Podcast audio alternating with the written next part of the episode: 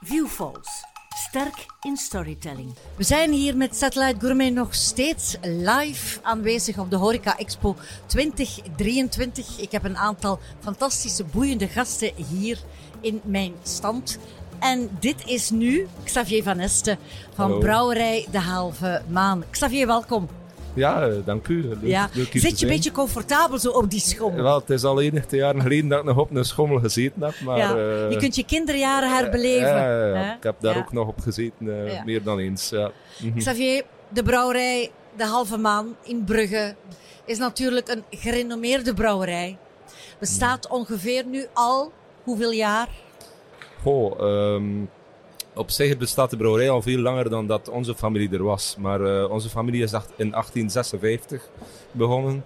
Dus ja, al meer dan eh, 160, 170 jaar bijna. Ja, dat is Dus, ongelooflijk eh, ja, dat zoiets zo lang in een familie kan blijven. zes generaties. Dus eh, ik vertegenwoordig... Jij bent de zesde. Ja, inderdaad. Ja, dat klopt. Meestal stopt het ergens bij de derde. Hè, zegt men vaak, de derde Ja, generatie ja. houdt ermee op. Wat fascineert jou in dat brouwen? Wat, wat is daar zo mooi aan? ja, het is een, het is een, het is een am- ambacht natuurlijk. Het is, eh, het is iets heel traditioneels. Ik ben er natuurlijk eh, in opgegroeid ook. Ik heb, eh, het, is, het is altijd mooi om zo'n ja, familiale traditie te kunnen verder zetten, absoluut. Ehm, en ja, ik denk dat we gewoon, ook heel fier zijn om zoiets, zo'n mooi product te kunnen maken. Dat dat sowieso eh, heel fascinerend is. Hè.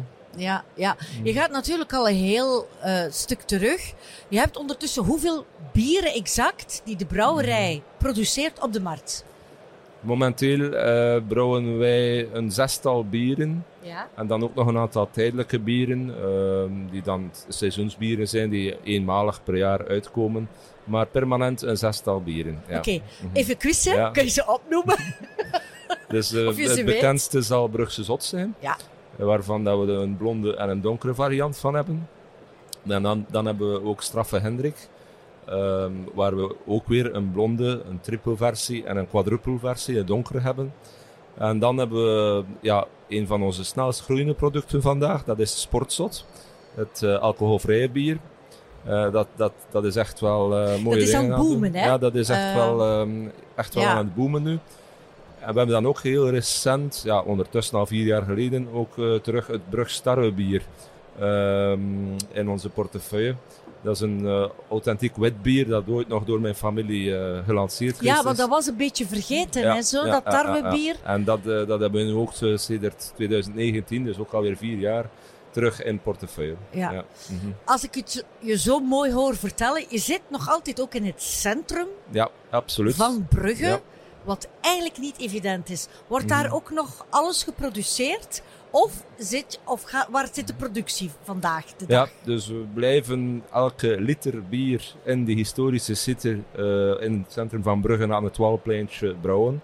Dat is echt ja, ook een beetje onze filosofie, onze, onze visie daar rond. We vinden het belangrijk dat we aan de Bruggelingen of aan de consument kunnen garanderen dat elke liter bier ook effectief in die authentieke historische site gebrouwen wordt. Mhm. En als we dan daarvoor zo zot moeten zijn om daar even dus, dus, eh, ja, die, eh, een ondergrondse bierpijplijn voor te moeten aanleggen. Ja, Xavier, dat, Dan, dat eh, verhaal moet je mij nog eens vertellen, maar vertel Ja, eerst maar dan, verder, eh, ik kom dan, erop terug. Dan zijn we zelf daartoe bereid Ja. om maar effectief elke liter van dat bier in die historische site te brouwen.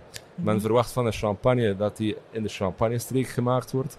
Men verwacht van een trappist dat dat in de abdij gebeurt. Wel, ik vind voor een authentiek Brugse stadsbier moet dat ook effectief intramuros op die Ja. historische site worden gebrouwen. Ja, maar daarnaast heb je ook een productiesetting Mhm. buiten de stad. Hè? Wat gebeurt daar? Ja, dus buiten de stad hebben we dan een eh bottelarij, vatenvulling, eh, warehousing, magazijnen, eh, al die zaken uiteraard buiten de stad moeten bouwen. Sorry. En ehm, ja, eh, het is zo dat de verwerking van al dat bier, dat is niet meer mogelijk in de binnenstad. Ja. Al de logistiek daar rond, vrachtwagens die komen en gaan. En vandaar dus inderdaad die creatieve oplossing van hoe breng je dan al dat gebrouwen bier weg uit de binnenstad op een zo ecologisch mogelijke en een leefbaar mogelijke manier. Dat was dan inderdaad met dat zot idee van die ondergrondse bierpijplijn. Ja, Mhm. uiteraard. Die ondergrondse pijp, iedereen kent het verhaal en je Mhm. hebt het al heel veel keren verteld, neem ik aan. Maar vertel nog een keer iets zots aan mij voor de podcast, wat misschien mensen nog niet weten. Ja. Waar, waar is in godsnaam dat idee vandaan gekomen? Ehm, ja, dat was eigenlijk altijd een beetje een, een droom of een wilde droom of een gek idee misschien. waarvan dat veel mensen dachten, ja, maar dat is, dat is eigenlijk niet serieus. Ze doen dat eh, bij- bijna een soort marketing eh, joke, laat ons zeggen, of een grap. En, en in het begin dachten ook echt wel mensen dat dat voor de grap Een was. aprilgrap en dat was dat, of zo. Ja, bij manier Ja. van spreken een, een aprilgrap. En dat dat eigenlijk niet echt serieus was. En er werden zelf eh, eh, ludieke programma's over gemaakt. Hè. Zelfs de Klopt. ideale wereld heeft daar een stuk van gemaakt enzovoort. Van ja, ze hebben daar nu in Brugge iets eh, grappig en dat is eigenlijk niet serieus enzovoort. Niemand geloofde bijna in dat project, hè? Nee, wel ja, dat, ja, er, je had daar inderdaad een aantal mensen die dachten, ja, dat is een, een leuk ideetje, maar dat gaat er toch nooit echt komen. En echt mensen hebben mij dat ook gevraagd, van, is dat echt waar? Hebben jullie dat dan effectief gedaan? Was dat wel, eh, ja, ja, nee, het klopt, effectief, en, en, enzovoort. En, eh, dus ja, het is lang zo de urban joke geweest, hè, van hahaha, ha, ha, eh, dat, dat is wel een leuk, een, een leuk ideetje, maar ja, een 1 april grap bij manier van spreken. En ja, uiteindelijk, het is er dan ook gekomen. Na jarenlang uiteraard mensen overtuigen. Ook eh, administratief, eh, politiek, allee, al die zaken moesten, ja, moesten natuurlijk eh, mogelijk gemaakt worden. Maar het is gelukt. eh, na Ja. een aantal jaar lobbyen en, en, en ja, eraan duwen en trekken, is, is dat uiteindelijk gelukt. Hè. En daar zijn ook natuurlijk, eh, denk ik, ingenieurs aan te pas Ja. ge- gekomen, want het moet ja, ook veilig zijn, het moet eh, hygiënisch zijn, het moet allemaal, die Ja. regeltjes. Ja, want dat, dat is het. hè. Dat is, dat is iets wat nog nooit gedaan geweest Nee. was ehm, en nog nooit gebeurd was. En natuurlijk werden veel vragen gesteld. Inderdaad, gaat dat technisch wel lukken? Gaat dat Ja. juridisch mogelijk zijn? Gaat het, ehm, gaat het bier inderdaad ook van kwaliteit blijven? Ga je die leiding kunnen kuisen, zoals dat u zegt? Het zijn allemaal die dingen waar dat de grote vraagtekens rond waren. Ook technisch inderdaad. Van, gaat dat allemaal wel lukken? Eh, en we hebben dat inderdaad ook allemaal moeten onderzoeken. Van ja, hoe gaan we dat reinigen? Ja, gaat dat geen effect hebben op ons bier?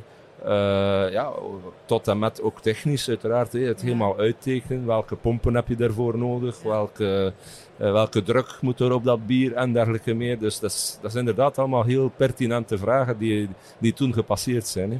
Ja, dus, en de essentie is eigenlijk dat je toelevert rechtstreeks in de horecazaak. Nee, absoluut niet. Dus dat is ook weer een van die misvattingen. misvatting? En zo zijn er heel veel van die verhaaltjes ge- Ja, oké. gecirculeerd. Nee, Eh, wat is eigenlijk de Eh, essentie dan? De essentie is dat we het bier brouwen op het Walplein en eh, het bier dan vervoeren naar de bottelarij, waar we dan al het bier afvullen in vaten of in flessen.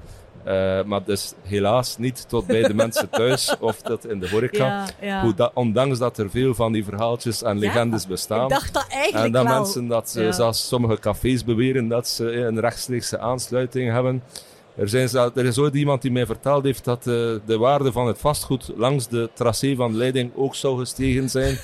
Ik weet niet, ik ben geen schatter, maar, eh, Nee, maar dus ja. ja. al dat soort verhalen zijn inderdaad beginnen, eh, beginnen circuleren. Ja. Wat eigenlijk ook wel leuk is, want eh, er zijn veel Absoluut. legendes en Hoe verhaaltjes. meer men erover praat, ik- hoe beter. Ja, en als ik bepaalde gidsen in Brugge uitleg hoor doen over die pijpleiding, ja, dan, dan hoor ik soms echt verhalen dat ik zeg, oh, dat had ik nu nog niet gehoord. Of die versie is nu Ja. weer iets anders. En Ja.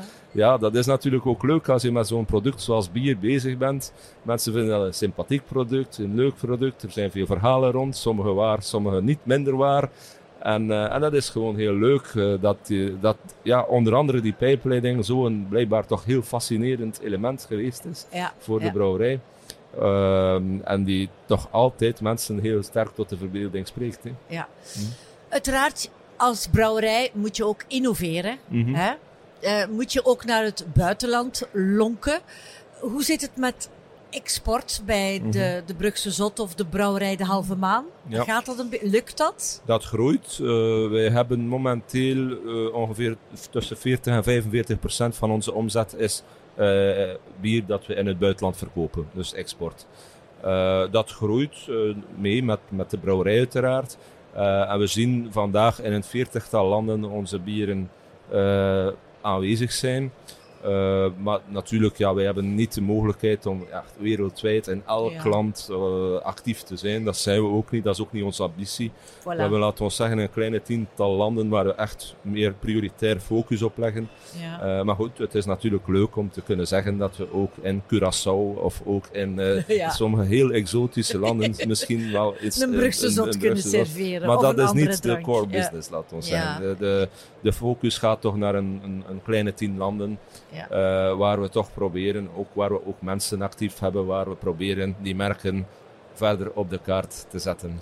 Niet alleen de merken, Xavier, maar eigenlijk ook dat België. Je mag Mhm. nu spreken waarschijnlijk in naam van al je collega's, brouwerijen.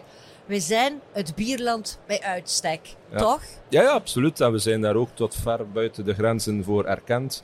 Dat Belgisch speciaalbier toch echt wel ehm, een, eh, ja, een, een, een bijzondere categorie is. We, eh, een, ja, we zijn heel erkend hè, voor zo'n klein land, zo'n heel divers kwalitatief aanbod van speciale bieren. Waar in vele landen soms alleen maar, bij manier van spreken, pils hebt. Absoluut. Eh, ja, dat je hier toch ja, zoveel historische, authentieke brouwerijen hebt, dat is heel belangrijk. Ja. Wat ook heel belangrijk is bij ons, en zeker met onze ligging in de binnenstad, is natuurlijk ook het biertoerisme.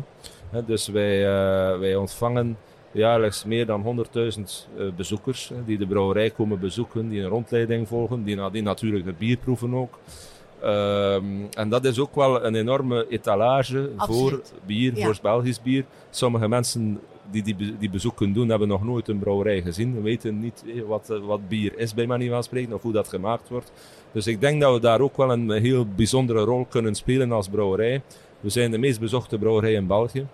Eh, en dat maakt natuurlijk ook dat onze bieren dan ook een stuk gevolg krijgen in het buitenland ook daardoor. ja, tuurlijk. En het is ook mooi. Eh, Mm. Ik ben er ook al vaak geweest. Het is een echte beleving. Hè. Het is een beleving en ook weer daar, mensen willen een echte, authentieke brouwerij bezoeken, Ja. waar effectief bier Klopt. gebrouwen wordt. Ja. eh, men wil niet een tourist trap bezoeken waar zogezegd de schouw rookt en, en, en daarom ook die focus en dat diep geloof dat wij eh, ja, 100% van onze productie effectief ook daar willen doen. En niet Ja. zomaar een beetje voor de show daar brouwen en wat Nee. eh, in een keteltje wat eh, bier laten pruttelen.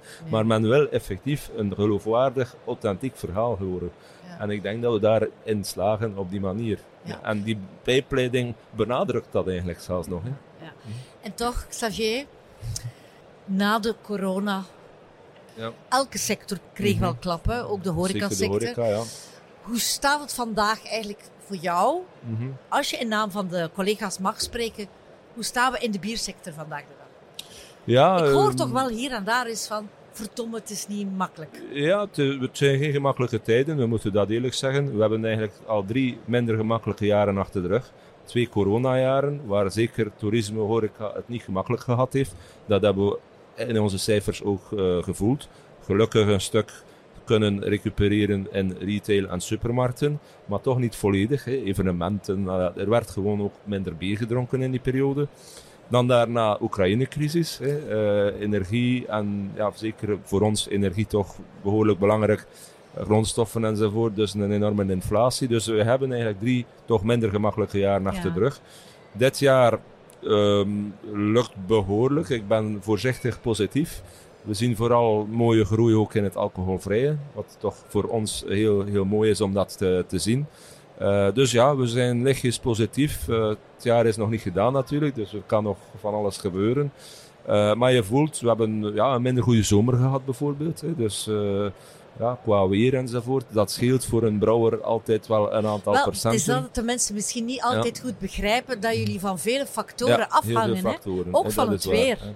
En dus ja, je voelt ook de, economie, ja, er zijn toch wel een aantal bedrijven die het moeilijk hebben. Ja. Hè, die het, eh, dus, ja. dus ja, het zijn geen evidente tijden, maar we blijven toch, ja, ik zeg het voorzichtig positief, eh, dat het toch wel ja, allemaal wel kan goedkomen. En Ja, eh, we ja. hebben toch ook wel mooie vooruitzichten, denk ik, ook voor, voor volgend jaar en zo.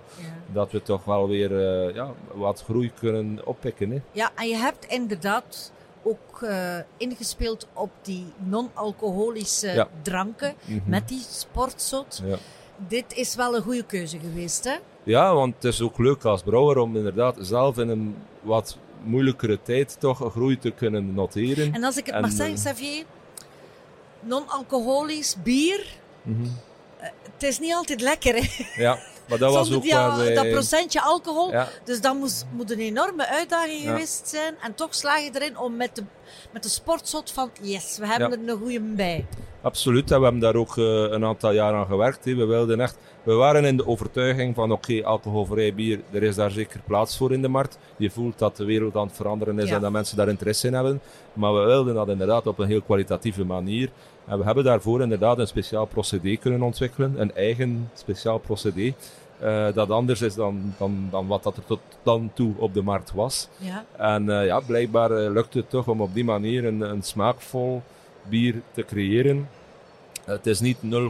hè. Het is, het is, er zit nog een heel klein beetje rest alcohol in. beetje. Maar de wetgeving is ook zo, als je onder de 0,5 zit, mag je het als alcoholvrij bier er, eh, aanzien. Ik ben blij dat ik het Ja. hoor, want dan, dan zijn er mensen die ook tegen mij zeggen: Ja, maar ja, de sportzot, dat is niet waar, hè? dat is geen Ja. alcoholvrij bier. Er zit 0,4 Het, het zit, in. zit binnen Maar de mag. tolerantie van wat er aanvaard wordt. Ja. En dat is voor veel alcoholvrij bieren zo. Hè. Dus dat is ook, zelf 0.0 is in feite ook niet helemaal 0. Er zit daar ook nog altijd een heel klein beetje restalcohol in. Maar goed, dat zit binnen de, binnen de normen en binnen Ja. de, de, mm, allee, de marges wat toelaatbaar is. Net Ja. zoals je zelfs in fruitsap of in, in, in, in de andere dranken ook soms een heel klein beetje alcohol kunt hebben. Hè. Dat, is, eh, dat is niet abnormaal. Eh, maar goed, het voldoet volledig aan wat het moet zijn. En, eh, en we zijn er ook heel blij om. En het werkt. Het is leuk als brouwer om dat te kunnen meemaken.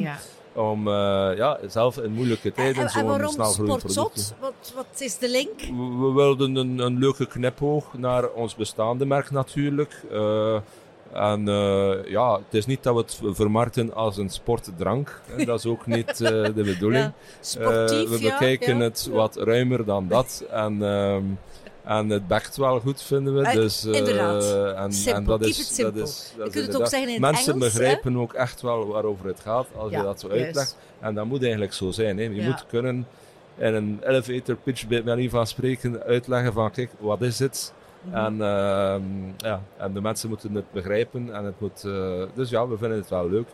Het maakt ook het brugje naar ja, sport mogelijk. Ik bedoel, het, het, het is inderdaad wel iets... ehm, eigenlijk is bier Maar of... ik geef eh, toe, Xavier, achter een goede inspanning Ja. moet je kunnen toch ook een biertje drinken. En Ja, ja. Eh. en of dat nu met of zonder alcohol Voilà. is, dat laten we aan de, aan de Het keuze aan de mensen. ja, hè. Maar het, het werkt inderdaad wel goed.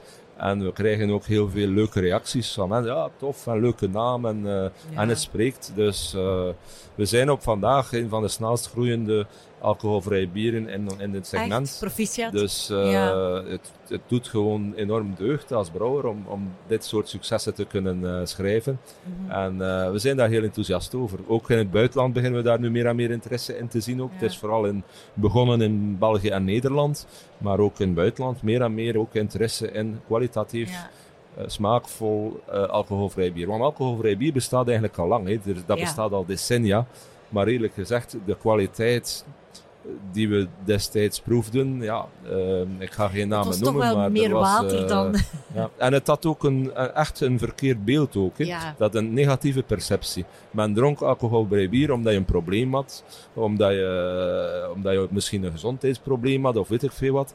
Eh, terwijl vandaag, en dat hebben we ook willen doen, daar een, een, een positief eh, imago verhaal, aan geven. Ja. Niet met NA en, en allemaal negatieve slogans en weet ik veel wat, maar echt een leuk, con- eh, fris concept, een vrolijk concept. En eh, ik denk dat dat inderdaad zeker kan, kan werken. En het succes dat we ermee hebben, bewijst dat ook. Hè. Ja. Xavier, ik wil het ook nog even hebben persoonlijk over jouw opgroeien in die brouwerij. Mhm. Dus de familie Van Este, hè, Ja. die begon te brouwen. Je zei de herneming van die, dat Brugstarwebier. Eh, waarom heb je die keuze gemaakt om, om die familie eer hoog te houden of zo? Mhm. Ja, dat zit erin. Eh, maar ik, eh, ik ben eigenlijk brouwer langs twee kanten. Hè. Dus ik zet eigenlijk de brouwerij van mijn moederskant verder. De halve maan was eigenlijk de familie Maas, dus mijn, mijn moederskant. Maar ook mijn vader komt uit een familiale brouwerij. Dat was dan brouwerij De Gouden Boom, in, ook in Brugge. Juist. En de, dat Brugstarwewier kwam trouwens van die brouwerij ook. Uh, die brouwerij is vandaag gesloten. Maar dus het is wel mooi om zo'n familiale traditie, en zeker als het dan nog van de twee takken komt, te kunnen verder zetten. Uh, we zijn daar ja, oprecht fier over um, om, om zo'n traditie te kunnen verder zetten. Want de Gouden Boom was ook een stadsbrouwerij. was ook in het centrum van de stad, maar dat is vandaag verdwenen. Ja. Maar uh, ik, ben, ja, ik ben oprecht heel blij om, om die familiale traditie te kunnen verder zetten. Ja. ja. Dus wat ik zei, je bent erin opgegroeid. Ja. Um, vond je dat eigenlijk echt ook onmiddellijk voor jezelf duidelijk dat, dat jij dat verder zou doen? Heb jij nooit getwijfeld van, oh nee, dat ga ik echt niet doen? Oh, uh, het was eigenlijk zo. Um, mijn familie was eigenlijk van plan om te stoppen met de brouwerij. De Gouden Boom was al gestopt. Halve maan was eigenlijk, waren ze eigenlijk ook in een scenario om, om te stoppen. Wauw, oh, uh, Ze hadden het merk verkocht. Ze waren eigenlijk van zin om, om, om niet meer verder in die brouwerijsector actief te zijn. Omdat er moeilijke tijden geweest waren. Omdat kleine brouwerijen het sowieso niet gemakkelijk gehad hadden. Dus mijn familie, toen ik zei van ik zou eigenlijk wel de brouwerij willen herstarten was absoluut niet zo enthousiast. En dat was dus inderdaad niet zo'n evidente keuze. Uh, ze hebben mij daar eigenlijk lange tijd echt... Uh, Van afgehouden? Uh, ja, ja. En gedesadviseerd no. van dat ga je toch niet doen. En no. ga naar de universiteit, studeer iets leuks en amuseer je maar een beetje en al dat je Ben wilt. je de enige zoon? Uh, enige zoon, ik heb ook twee zussen. Oké, okay. dus, zitten die ook in de brouwerij? Ondertussen wel, maar ik was toen eigenlijk de enige die daar iets die in zag. En die zei van, laat ons dat herstarten en we... We waren nog eigenaar van het gebouw. En hoe oud was je het, toen? Ik was uh, toen ik startte 25. Wauw, ja. zo jong. Ik was een jaar uh, afgestudeerd. Ja, ja, ja. En, uh, ja, en op een bepaald moment zeiden, heb ik ze... Allee, doet dat toch niet, Xavier? Ja, ja, ja. Ze, waren er absoluut niet zo enthousiast over. En eigenlijk echt gedesadviseerd van, uh, doe dat toch niet. We weten waarom we gestopt zijn. We hebben moeilijke tijden gehad en dan ga jij dat, uh, Ja. dan denk je dat dat allemaal zo simpel zal zijn enzovoort. Maar goed, ik heb uiteindelijk toch ze kunnen overtuigen om de stap te mogen zetten. Ik ben daar ook heel dankbaar van, voor dat ze mij die kansen gegeven hebben. Maar het was wel van, ja, doe maar, maar het is jij die aan zet bent. Eh, en als je dat dan echt wil doen, doe maar. Ondertussen zijn ze heel enthousiast en fier ook en delen ze mee in, in het succes, uiteraard. Maar dat was dus niet zo'n evidentie van, ah ja, doe maar en uh, geweldig okay. en uh, ja. het zal allemaal wel uh, zeer vlot gaan. dat was niet, op dat moment niet zo. Heb jij alle stappen geleerd dan? Uiteraard. Ja, dus ja, het was een herstart. Dus dan, ja, dan, dan ook weer ja, brouwers zoeken en starten en uh, de bier uh, verkopen. Het is ook toen dat we Brugse Zot ontwikkeld hebben, hè, want we hadden geen merk meer. Nee. Dus we hebben toen eigenlijk iets nieuws moeten creëren. Dus dat is eigenlijk en jouw dat is, kind. uh, ja, in feite wel. Ja, ja. En het is dan pas later dat we terug die straffe Hendrik ook terug uh, hebben kunnen overnemen, terug thuis brengen. En dan later ook die, die, uh, dat Brugstarrebier. Dus, uh, maar dat, dat is natuurlijk heel mooi dan, dat je die oude merken ook dan kunt terugbrengen. En dat opnieuw die geloofwaardigheid en authenticiteit kunt geven. Ja. Van het opnieuw op de originele site te brouwen, waar het thuis hoort, volgens originele recepten enzovoort. Dus Ik denk dat wel, meer dan ooit mensen zo fascinerend vinden om die verhalen, Ja. die oudere Ja. verhalen, die tradities van je ouders, om dit toch terug En leven. dat, dat zijn te inderdaad geven. verhalen die de mensen Ja, eh, appreciëren. En zeker voor een emotioneel product zoals bier.